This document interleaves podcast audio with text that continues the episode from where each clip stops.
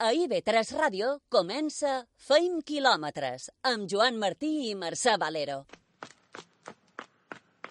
M'he xicat amb ganes de cercar la llibertat, de posar-me xandall i deixar d'estar aturat, agafar-se de velo i bugar al contravent, ser capaç de creure que pots ser el meu millor intent.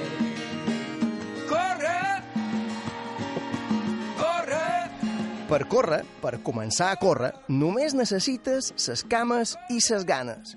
Per córrer contra vent, ses cames, ses ganes i una gran força de voluntat. Hearts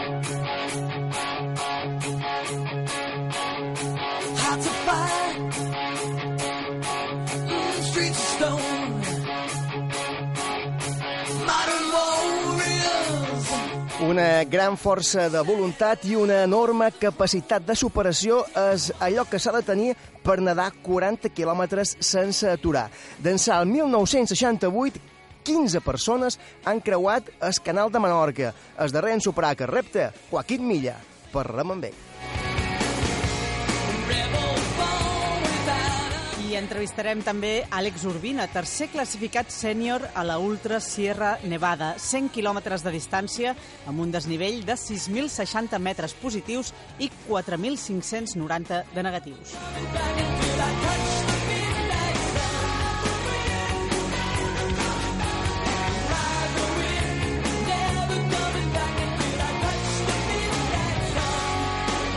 I per què hi ha corredores i corredors que pateixen dolor de maluc, de maluc? Què és el que no feim bé? Lucía Barca avui ens dona algunes claus per conservar la mobilitat i l'estabilitat del cos. I avui parlarem de la marató i els seus orígens, història, cinema i literatura, de la mà de Carlos Sunyer.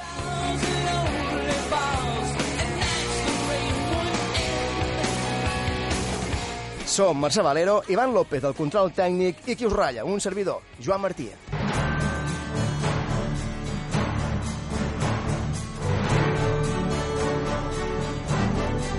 Mario Mola guanya a Hamburg i lidera les sèries mundials de triatló. Sisena cita de l'any i el mallorquí que ja comença a fiançar el tercer títol de campió del món de triatló.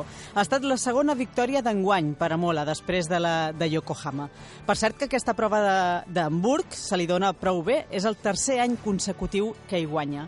Ara queden dues proves abans de la gran final. Si en guanya una i fa segon a l'altra, arribarà a la final com a campió matemàtic.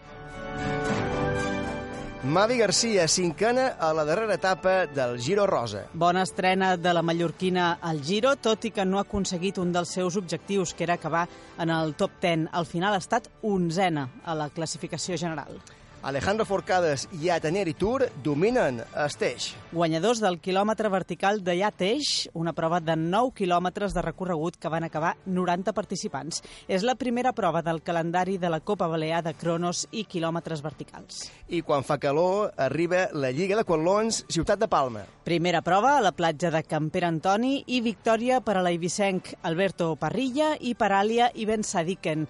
Han estat els més ràpids a fer els dos quilòmetres i mig a peu, 1.000 metres de natació i dos quilòmetres i mig més de cursa a peu. I aquest ha estat un cap de setmana de milles. Se n'han disputat dues, a Binissalem i a Calarratjada. En homes, el millor temps l'ha aconseguit Guillem Duran a Calarratjada, 4 minuts i 38 segons. I el millor temps femení l'han aconseguit dues corredores a Binissalem, Maria de Lourdes Roca i Helena Davi. Totes dues van fer els 1.600 metres en 5 minuts i 57 segons. I Maria Pellicer no té rival a la Lliga de Curses Populars d'estiu de Menorca. La veterana corredora de Ferreries torna a dominar la Lliga, igual que l'any passat. Dilluns va guanyar la segona prova de l'any, la de les festes de Sant Martí d'Esmercadal. El més ràpid va ser Sergi Rauré, que en la prova anterior a Ciutadella va acabar segon. La propera prova serà dimarts de la setmana que ve a Fornells. La verdad que, que correr mola.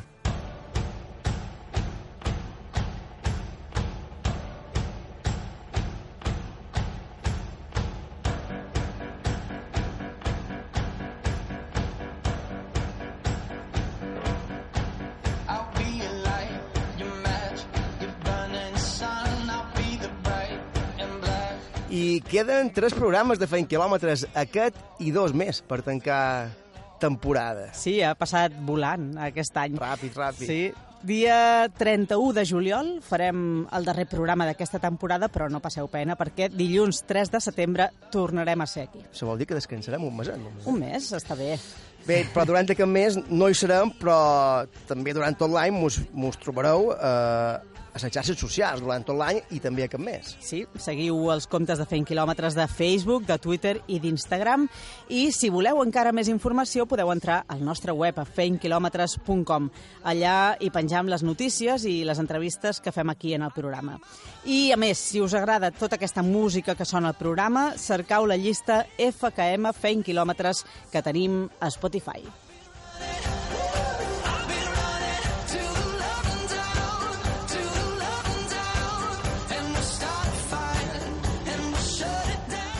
Una llista ideal per escoltar aquest estiu, per exemple, Exacte, anant exacte, cap a, sí. cap a la platja. I a la ràdio mos podeu escoltar els dilluns a les 6 o els dissabtes a les 7 de, de matí. I també durant tot el mes d'agost amb les millors entrevistes. Sí, per opcions no serà. Dilluns a les 6 del capvespre, dissabte a les 7 del matí per als més matiners i per escoltar Feint Quilòmetres quan us vingui de gust, sempre podeu fer-ho descarregant el podcast a IB3 a la carta. Tenim xip, Tenim xip. Visca fent quilòmetres!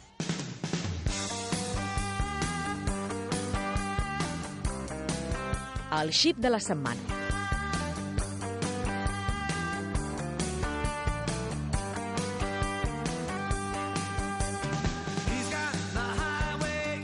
El xip de la setmana és el dorsal número 6 a l'Ultra Sierra Nevada. Alex Urbina, el tercer classificat a la categoria sènior d'una prova de 100 quilòmetres amb un desnivell de 6.060 metres positius i 4.590 de negatius. Àlex Urbina, benvingut una vegada més a Feint Quilòmetres.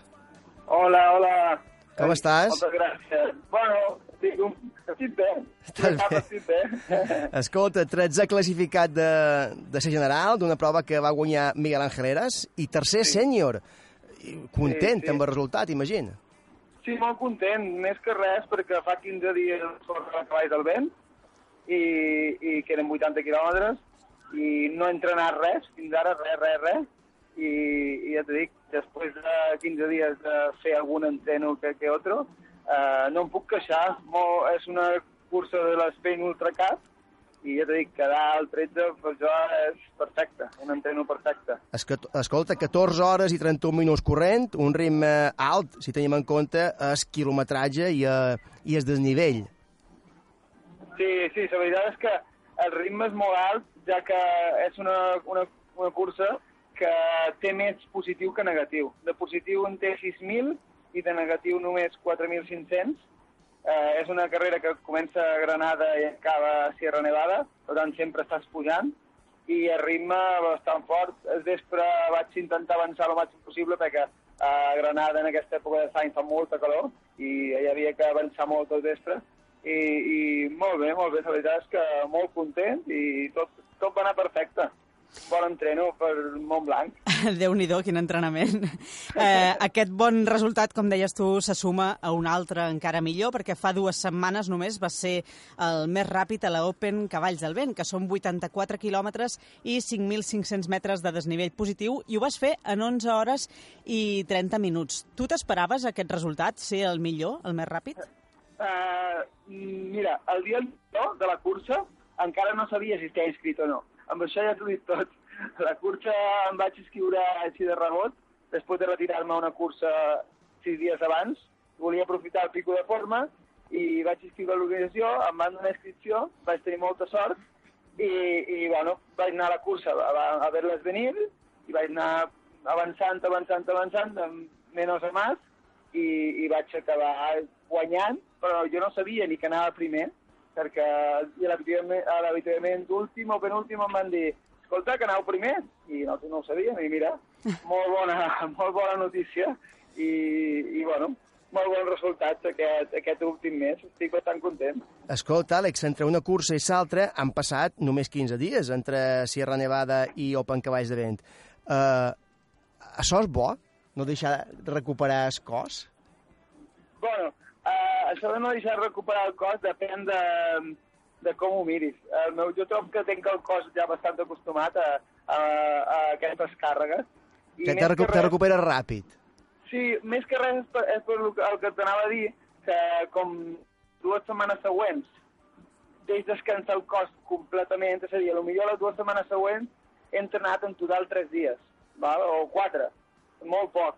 Això vol dir que el cos recupera i ja utilitza la càrrega de la competició anterior per a la, per a la pròxima competició. És a dir, com que te serveix com una càrrega forta que pots fer tu entrenant un dissabte i un diumenge, saps? Ho pots veure des d'un altre punt de vista. Ho veig jo, com sóc llicenciat en, en diners, pues, ho veig d'una altra forma i no em veig tanta càrrega com, com pot veure un altre.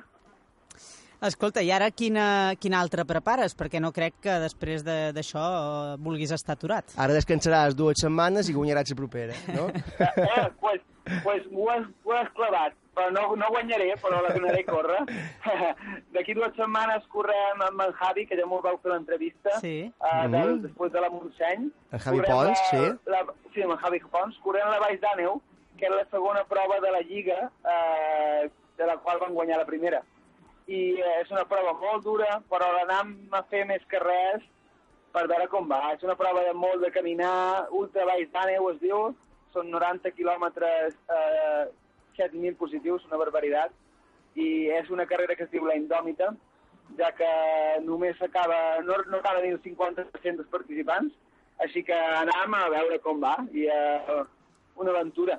És a dir, que en un, en un mes i mig hauràs fet un, un- tres curses en total prop de 300 quilòmetres, que déu nhi 184 i 90. Eh? Bo, sí, bueno, no, estem, no estem comptant la que em vaig retirar, que vaig arribar als 70, també.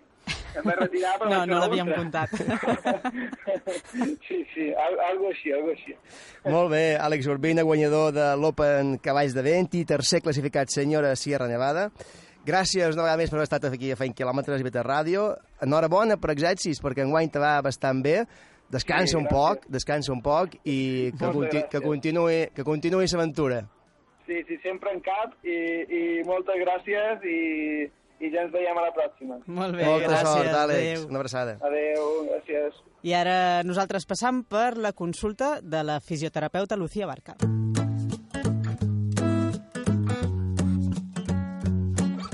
L'avituallament.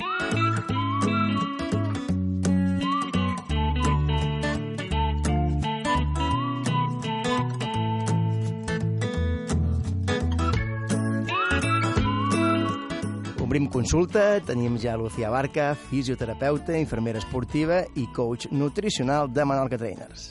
Benvinguda, Lucía. Feint quilòmetres. Hola, hola, ¿cómo estáis? Molt bé, i tu? Muy bien. Uh, bé, Sant Martí? Sí, ¿Sí? siempre va bien. sí. Qualque pomadeta de més o no? no, no, no, en eso hemos sido muy moderados, muy cautos, así que hoy estupendos porque había que trabajar y no se Ah, exactament, descuidar. exactament. I d'això te volíem demanar. Ara, Avançàvem la setmana passada que avui eh, ratllaríem de perquè algunes i alguns corredors mm, tenen o pateixen mal de maluc. Mm, pe- però anant per parts, quina és la funció o les funcions d'aquesta part de, del, del cos? Sí, mira, esto que preguntas es muy importante. Primero, saber cuáles son las funciones de la cadera. La cadera o articulación, que también se llama coxofemoral, es una de las articulaciones con más importancia del cuerpo. ¿Por qué? Porque une el fémur y la pelvis, es una zona de carga. También está formado por los huesos ilíacos que están soldados entre sí por delante y unidos al sacro por la parte posterior y nos da sustento a toda esta zona de, de la pelvis.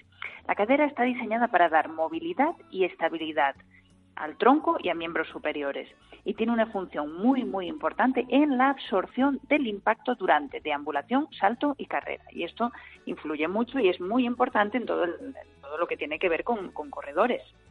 I, I per què pot aparèixer aquest dolor? Pues mira, la cadera puede eh, resentirse en los deportes de impacto, como comentábamos ahora, con facilidad. Sobre todo si tenemos alteraciones como dismetría de miembros inferiores, esto quiere decir si tenemos una pierna más larga que otra, que más o menos sabemos, hasta un centímetro el cuerpo lo compensa, más de un centímetro, centímetro y medio, ahí ya nos puede dar problemas. Si tenemos alteraciones de la pisada, pie plano, pie cabo, o alguna otra alteración, si tenemos falta de tono muscular en glúteos, piernas y la zona de core, que hemos comentado que era muy importante algunas veces, con excesos de la actividad deportiva, si forzamos mucho también podemos tener dolor de cadera o, por supuesto, con caídas, golpes o traumatismos que, que afecten a esa área. Hi ha diferents tipus de lesions en aquesta part del cos? Sí, si queréis os, os hablo un poco, os hago un pequeño resumen de las lesiones más habituales de, en corredores de la zona de la cadera, ¿os parece? Molt bé. Va, Sí. Mira, a ver si os suena. Trocanteritis o bursitis troco- trocanterea. ¿Os Toma. suena? Sí, sí. Jo avui de matí li he dit a Mercè, Mercè, tenc trocanti... com has dit? Trocanteritis. tenc trocanteritis. Pues es frecuente. Mira, os explico de qué se trata. Es la inflamación de las estructuras que insertan en el trocánter mayor del fémur. Si nos tocamos por aquí, por el lateral de la pierna, en la zona de la cadera, este huesecillo que sale en el lateral, eso es la cabeza del fémur, y ahí se encuentra el trocánter mayor, que es una prominencia ósea. Esta prominencia ósea, eh, en, en esa zona, en las articulaciones, tenemos unas bolsitas de líquido que se llaman bursas, que están diseñadas para amortiguar la fricción entre estructuras, entre músculos, tendones y estas prominencias. Os doy un dato. En el cuerpo tenemos unas 160 bursas, bolsitas, repartidas por todas las articulaciones. Ujú. Y esta lesión que os decía, la trocanteritis o bursitis trocanteria, es una de las lesiones más frecuentes. Causa eh, un dolor localizable a punta de dedo sobre la articulación, aquí en el lateral, lo que os decía, ¿no? Si nos tocamos aquí la cadera, es un dolor que se puede localizar aquí en el lateral hacia la tensor de fascia lata, que empeora con la actividad o con el apoyo. Por ejemplo, empeora bastante si dormimos sobre ese lado. Esto sobre Però la això seria, diguéssim, per allà on hi ha la cintura. O no? Per la cintura o més avall? Sería más abajo. Tú Ah. bajas de- desde la cresta ilíaca, desde el hueso de la cintura, y nos localizamos sobre el huesito de la cadera, como en el fémur. Vale, ¿sí? vale. Localizamos el fémur y vemos que tenemos ahí un huesito, una prominencia. Pues el dolor de la trocanteritis suele ser ubicado en esa zona. Es la inflamación de las estructuras de esa zona y suele ser por fricción.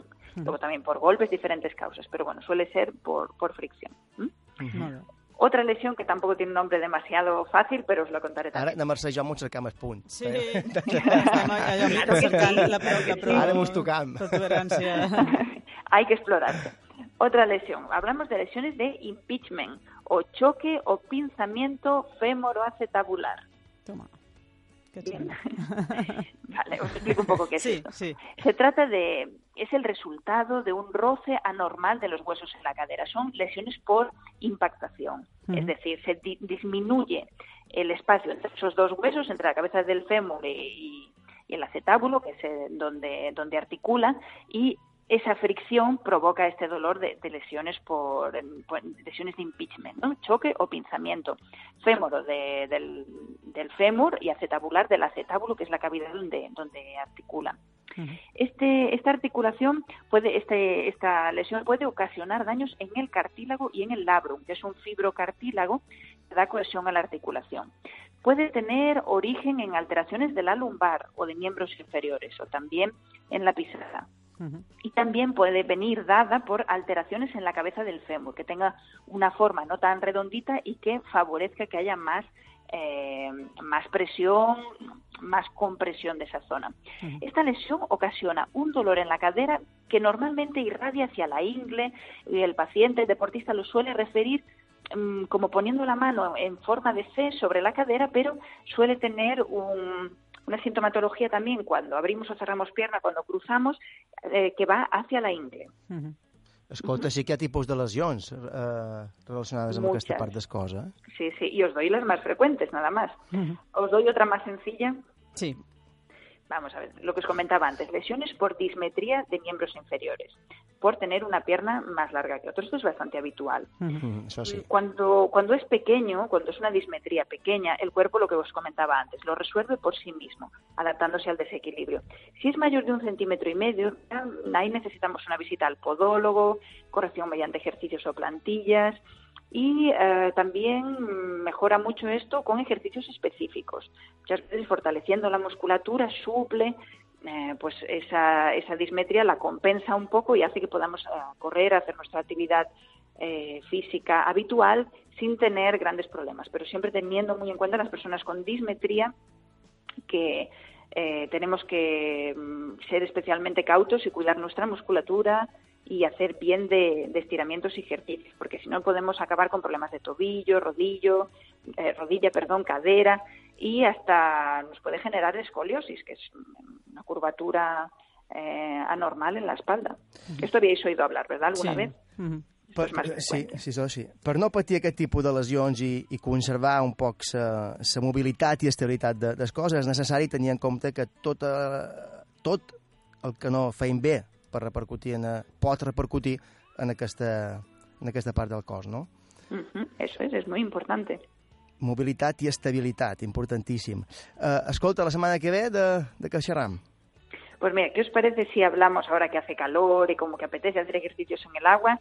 Beneficios y ventajas que nos puede dar el entrenamiento en el agua de mar. ¿Qué ejercicios podemos hacer en, en agua, piscina, playa, que sean favorecedores para corredores? ¿Qué os parece si Molt bé. de I a més, ara que han començat la Lliga de Qualons, que hi ha molta gent que neda, Sí. serà, anirà ideal. Mira, But- ara que parlarem també amb un que Em. ha fet uns quants quilòmetres per la mà. Sí, sí. Mhm.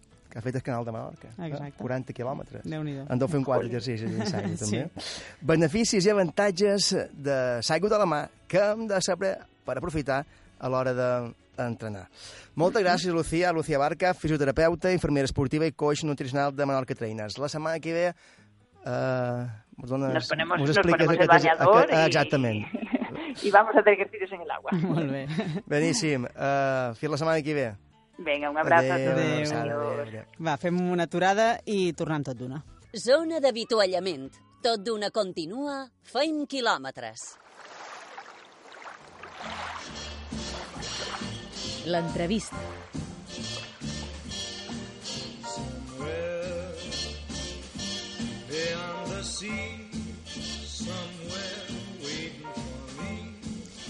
Què hi haurà a l'altre costat de la mà? Què tenen les travesses en aigües obertes que cada vegada captiven a més gent? Que deuen tenir. Què deuen tenir? Un dels darrers enamorats d'aquest esport és Joaquim Milla. No fa molt que, que neda en aigües obertes i ja pot dir que ha creuat el canal de Menorca, de Menorca a Mallorca, de Far d'Artruig, a Ciutadella, fins a Cap d'Esfreu, eh? a Cala Ratjada, nedant i en manco de 12 hores. Joaquim Milla, benvingut a Fent Quilòmetres. Bon dia, moltes gràcies. Ho hem dit bé, fa, fa poc que nedes, no? Sí, fa cinc anys vaig participar per primera vegada en una travessa d'aigües i fa tres anyets eh, ja vaig començar a pitjar un poc més, a fer més distància fins al dia d'avui. Escolta, i en cinc anys de, de, de nedar, com aquell que diu, d'una manera intensa, ja t'has atrevit en fer el canal de, de Menorca? Uh, M'he juntat amb una gent que m'ha involucrat. amb gent que no té seny, sí, sí, sí, sí, amb una gent molt dolenta.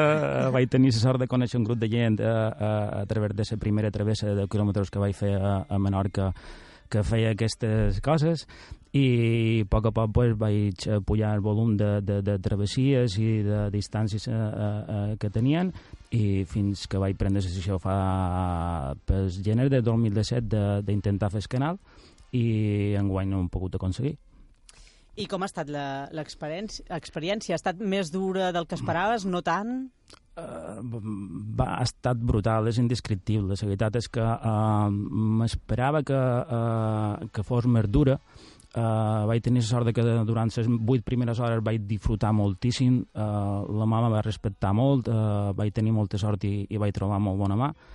I després ja pues, uh, vaig sofrir un poc més, ja arri- passaven els quilòmetres, uh, físicament ja estava un poc cansat i, i no arribava, no arribava i vaig haver de lluitar un poc per poder-ho aconseguir.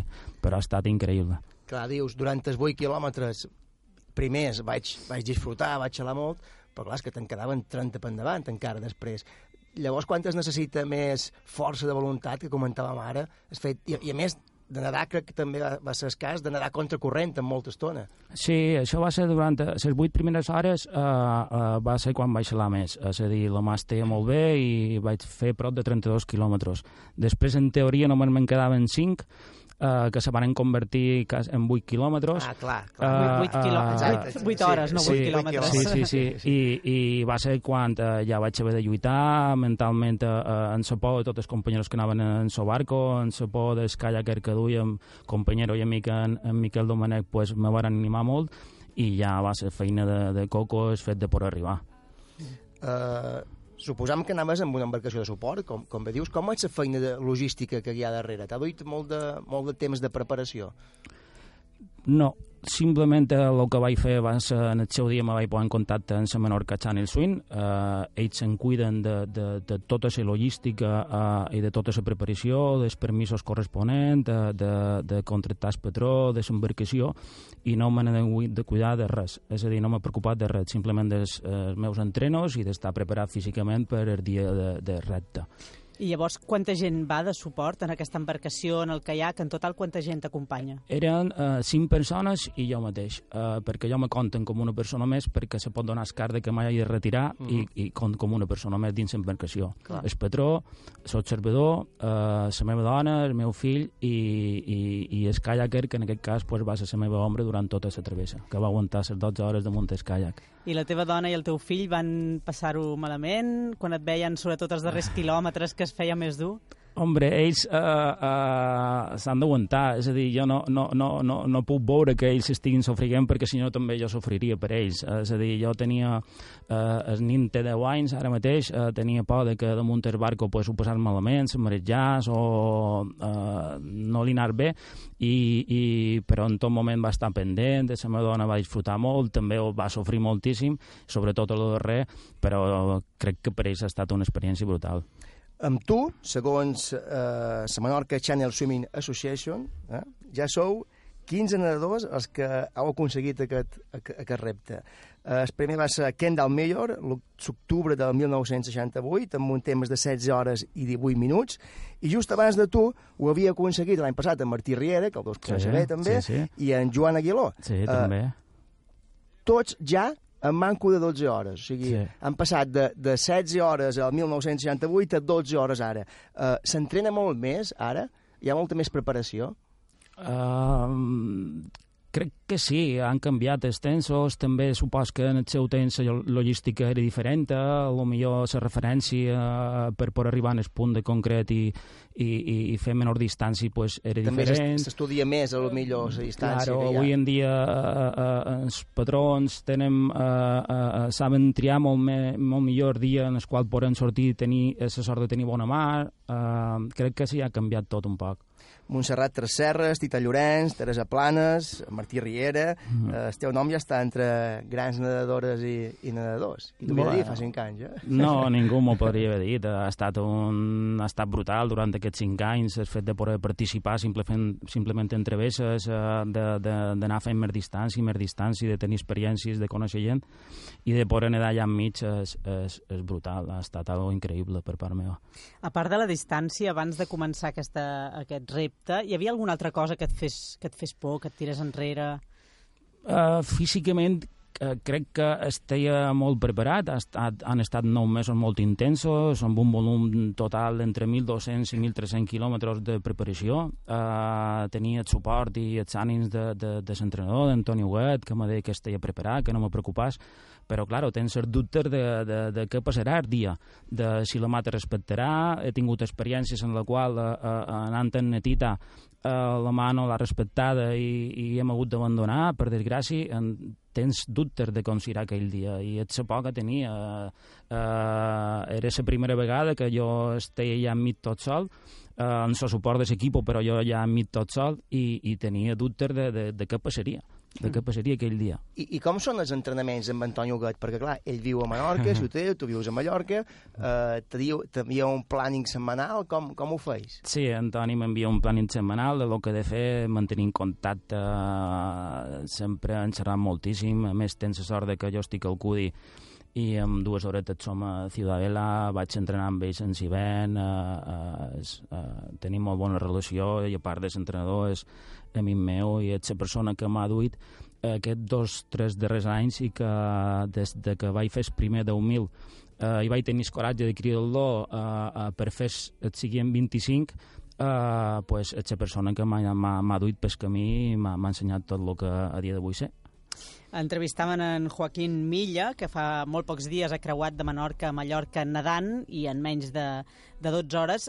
A part d'aquest repte, Joaquín, que ja has aconseguit, ara formes part del projecte de na Tita Llorenç, ara fa un moment parlaves d'ella, que un d'aquests dies ja ha de creuar de la península fins a Eivissa. Tu formes part d'aquest projecte, també. Eh, som un, me sento un privilegiat. Fa dos anys que eh, estic en Netita, eh, tens sort de formar part del seu equip que l'ha pogut acompanyar durant aquest repte o s'intento de fer-ho i, i enguany, si tot va bé, ara amb un parell de setmanes, una setmana, dues setmanes, pues, Netita mos cridarà i, i, i ho tornarem a provar i estic segur que enguany ho aconseguirà. Sí, estem molt pendents també d'aquest repte de Tita Llorenç, de nedar de, aquesta vegada serà de la península cap a, cap a Eivissa, en principi de Xàbia o de Dènia cap a, Sí, cap pensant que sí. cap a Cala Tarida o no sé exactament quina cala serà. Eh, Quan mm, tu nedes al costat d'ella durant eh, determinats trams o com, com funciona això? En... Aneu fent relleus? Antoni Siràs, que se'n cuidi de fer el planning de què és el que haurem de fer. Eh, som una sèrie de persones que formant l'equipo i cadascú té, diguéssim, la seva feina, però tots eh, feim una pinya per intentar ajudar a Netita el que puguem. Uh, jo crec que nedaré estones amb ella i enguany de lo millor també hauré de fer un pot de kayaker o el que Antoni en aquest cas o Netita hagi menester i el que fa i falta. Escolta, les travesses de Natita són sense neoprè, això Mhm. supos que ho saps. Sí, Eh, en el teu cas, què prefereixes? Sense neoprè. També. Sí, malgament m'hagi costat que si vent i hagi passat molt de fred, però la sensació de poder nedar en total llibertat eh, no és comparable amb d'un traje d'un forro i, i, i, nedar en la neoprè. És a dir, que en ple hivern també entrenes sense neoprè. Sí, hem d'aclimatar per mirar de, eh, en, el cas, en el meu cas, la temperatura de l'aigua ara dia 7, que va ser quan vaig fer el cruce, eh, era elevada, estàvem amb 24-25 graus la temperatura de l'aigua. El problema no és el fet de nedar una hora, dues o tres o quatre, sinó nedar 12 hores. I per poder aguantar, diguéssim, tantes hores amb, amb una temperatura entre, normal, diguéssim, per, per, per, per, per estem, que estem ara, pues, has d'aclimatar durant l'hivern i has de passar fred per no passar-lo el dia d'avui. Clar, és que però, a gener, a febrer, en hivern, quan, quan en tens a la mà, l'aigua deu estar a 14 graus, 13 està, graus. Està fresqueta, Està molt molt fresqueta, freda. però bueno, és també un tema psicològic, és a dir, si el primer dia ha estat 5 minuts, eh, després 10, o vas pujant, vas pujant, i, i quan aconsegue- aconsegueixis estar una estoneta, pues, eh, de, de, de, de cap te ve molt bé el fet de, de poder-ho aconseguir. T'ho volia demanar, però és obvi que, que aquest esport t'enganxa, no? Si, si has de nedar a 13 graus 15 minuts per poder per poder-te adaptar, no? anar fent uh, més temps dins, dins aigües de, de 14 graus, és obvi que enganxa aquest Sí, esport. jo m'ha enganxat totalment. És, és, no és el nostre medi, però és, és la sensació que tu tens allà enmig i si tens la sort, com en el meu cas, de poder nedar a mar oberta, totalment oberta, on no hi ha ningú que estàs allà enmig tot sol, pues, és, és, és brutal. Escolta, i tu pertanys també en el club eh, Talaiots. Sí, eh, sí, sí. Vol dir que eres corredor o corries, ho vas, ho vas Participava, vaig participar, vaig fer les meves cosetes a la muntanya, sí, sí, sí, fa un parell d'anys. Vaig tenir una lesió i ho vaig haver de deixar i va ser quan ja me vaig enganxar un poc més o vaig tenir més temps per poder nedar i practicar la natació. Mira, a vegades arran d'una lesió descobreixes un altre món. Sí, eh? sí, sí, sí, sí, sí, encantat, encantat d'haver canviat, però, vamos, amb ganes de tornar i tornar a estar amb els companyeros i tornar a participar i tornar a la muntanya, també. I ara, a part d'aquest repte que tens, aquest projecte que tens, eh, eh, el projecte de Natita, de nedar de la península a Eivissa, tens algun altre repte personal que t'hagis marcat després d'aconseguir la quinzena persona que, que fas canal? Eh, tan serios com aquest darrer, no. Ara el que tinc ganes és de participar en les proves que, que feim aquí. Ara, aquest cap de setmana, per desgràcia, s'han suspès les dues de les que hi havia. Una la tramuntana a Swim, una prova eh, preciosa i brutal que, que organitza José Muñoz de, de 6 quilòmetres i mig des de Cala d'A fins Port de Sóller, uh -huh. i també se va haver de suspendre l'esport d'Andrats. Per mala Eh, mà o- Per, per, sí, eh, l'esport d'Andrats no estic segur, crec que per part de l'Ajuntament va haver qualque problema, Mhm. i la de Sóller sí per mala mà, uh, i per, per participar varen prendre la decisió de no fer-ho.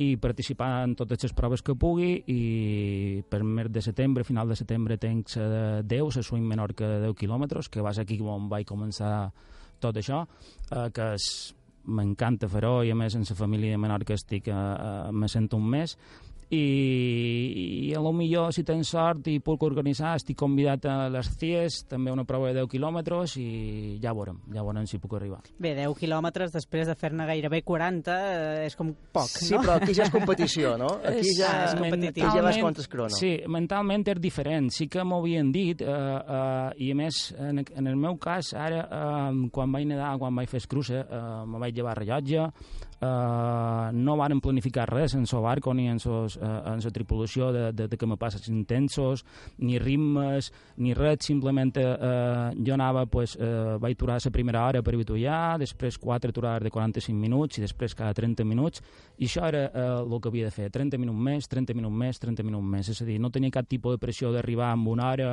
eh, determinada ni fer un temps determinat perquè és que no, no te pot plantejar, la mà te pot canviar, se te llira i, i de fet ja me va passar quan eh, duia 32 quilòmetres i, i ja està, i has de, has de ser conseqüent amb el que tens en aquell moment. I imagino que has de cercar estratègies psicològiques no, per tirar endavant, com això que comentes Sí. ara, mitja hora més, mitja hora anar passant. Sí, no? penses, La tita eh, compta peixos, mos deia un dia. Sí, compte d'un et cent. Jo ho vaig provar, però quan duia 30 ja me perdia. i No, no, no m'anava bé. No, no, no. Jo tenia la sort en el meu cas de que eh, eh, durant tota la travessa la meva ombra va ser en Miquel Domenech, eh, el meu entrenador físic i, i, i companyero i amic.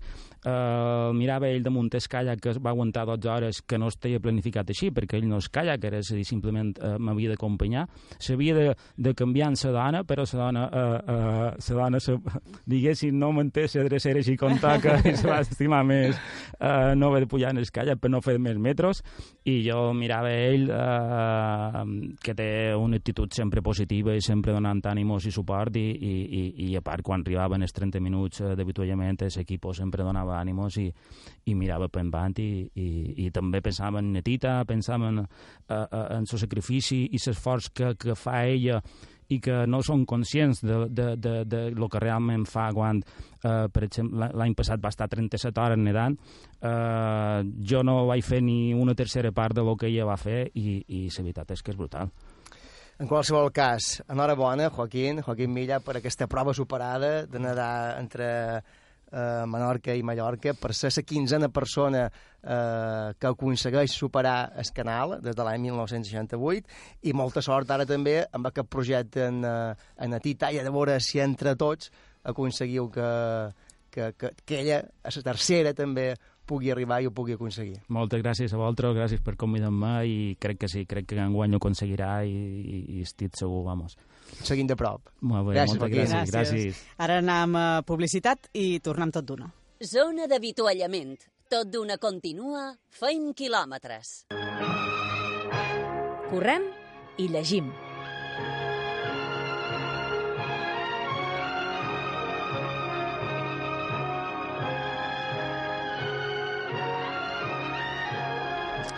Parlem avui de la marató i els seus orígens. Mesclam història, cinema i literatura.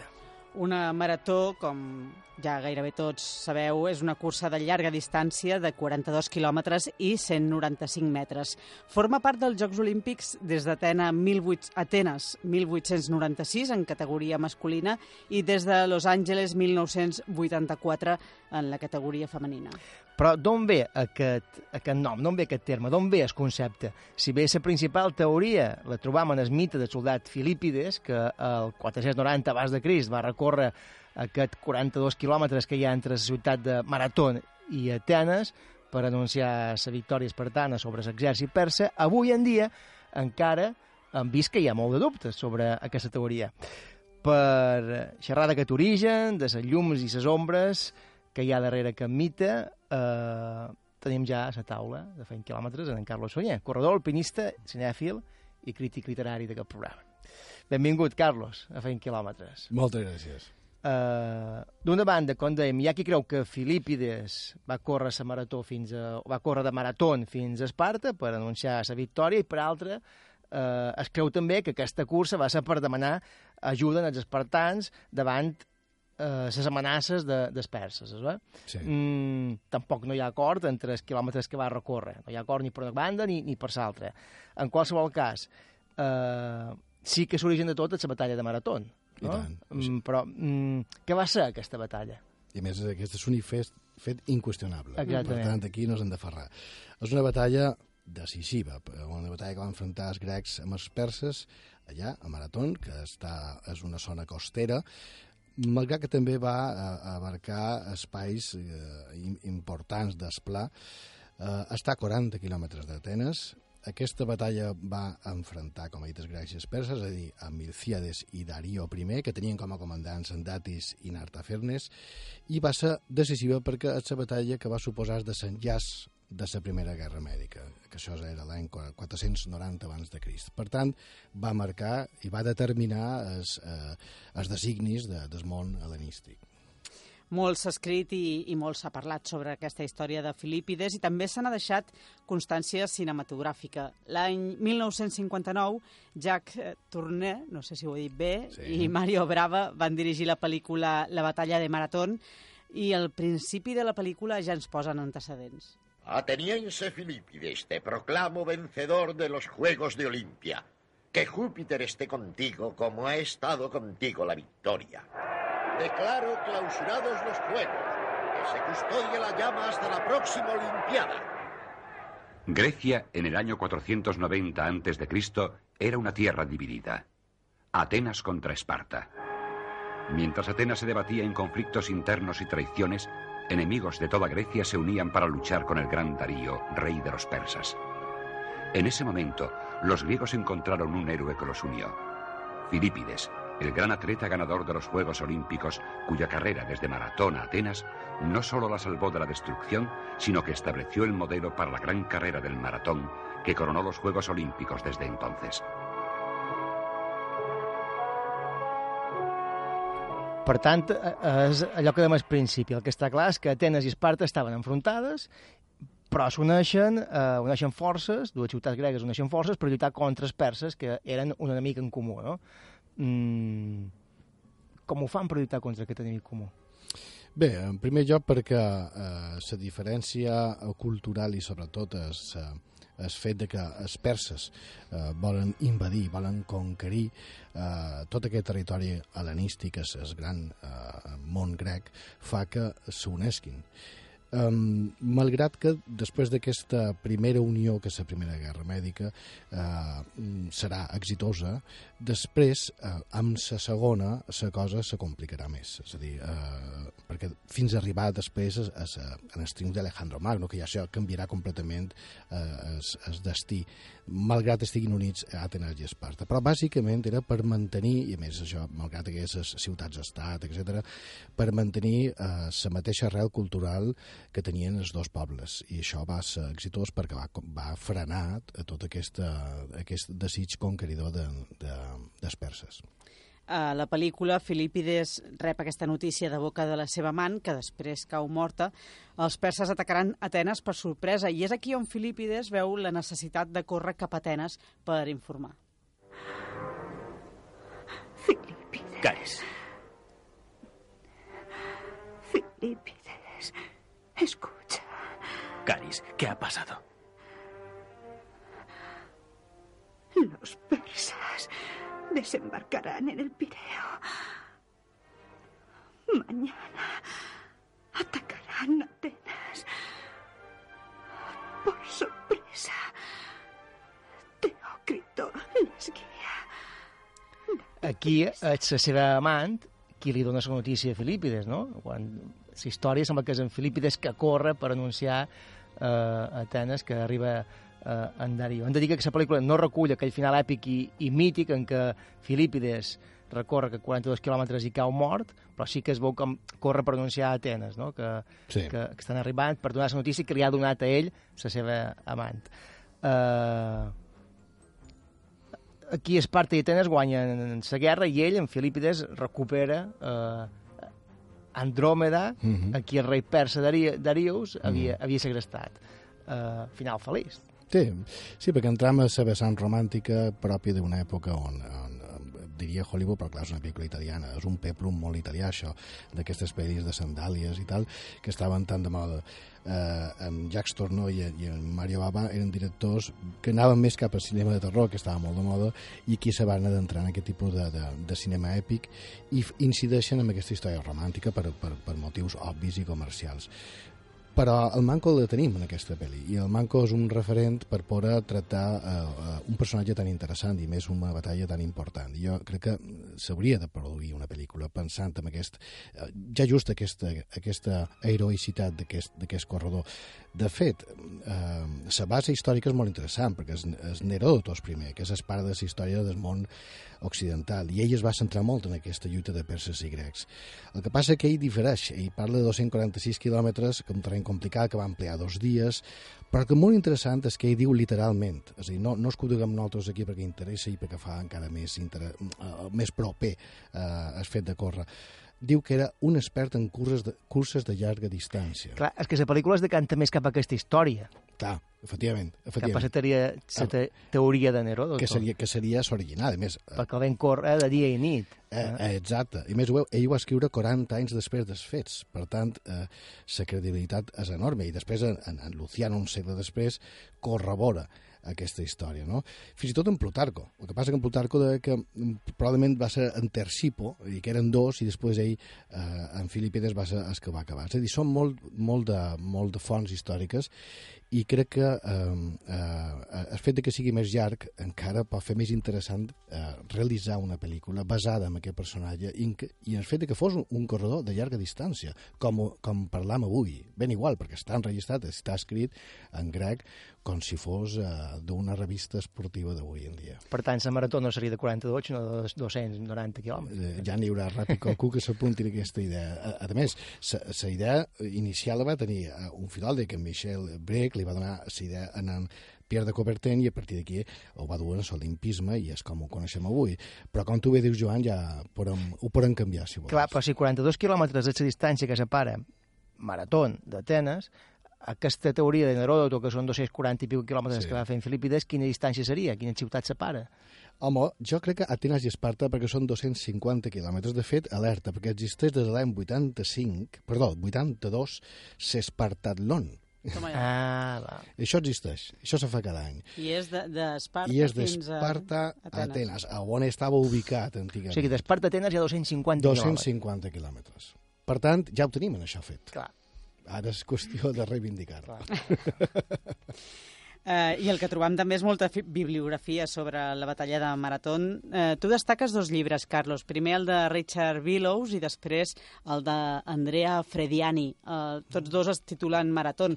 Són complementaris o difereixen en les teories? Jo crec que complementaris, perquè el primer, en Richard eh, Billons, el que fa és un assaig, i més un assaig amb una tesis en el que defensa que els grecs de la batalla de Maratón varen salvar, entre cometes això de salvar, jo ho qüestionaria, la civilització occidental. Eh? Mm, Que tot hagués, hagués canviat si es desenllaç hagués estat diferent. Home, això, eh, això és qüestionable. Però és interessant que ho investigui.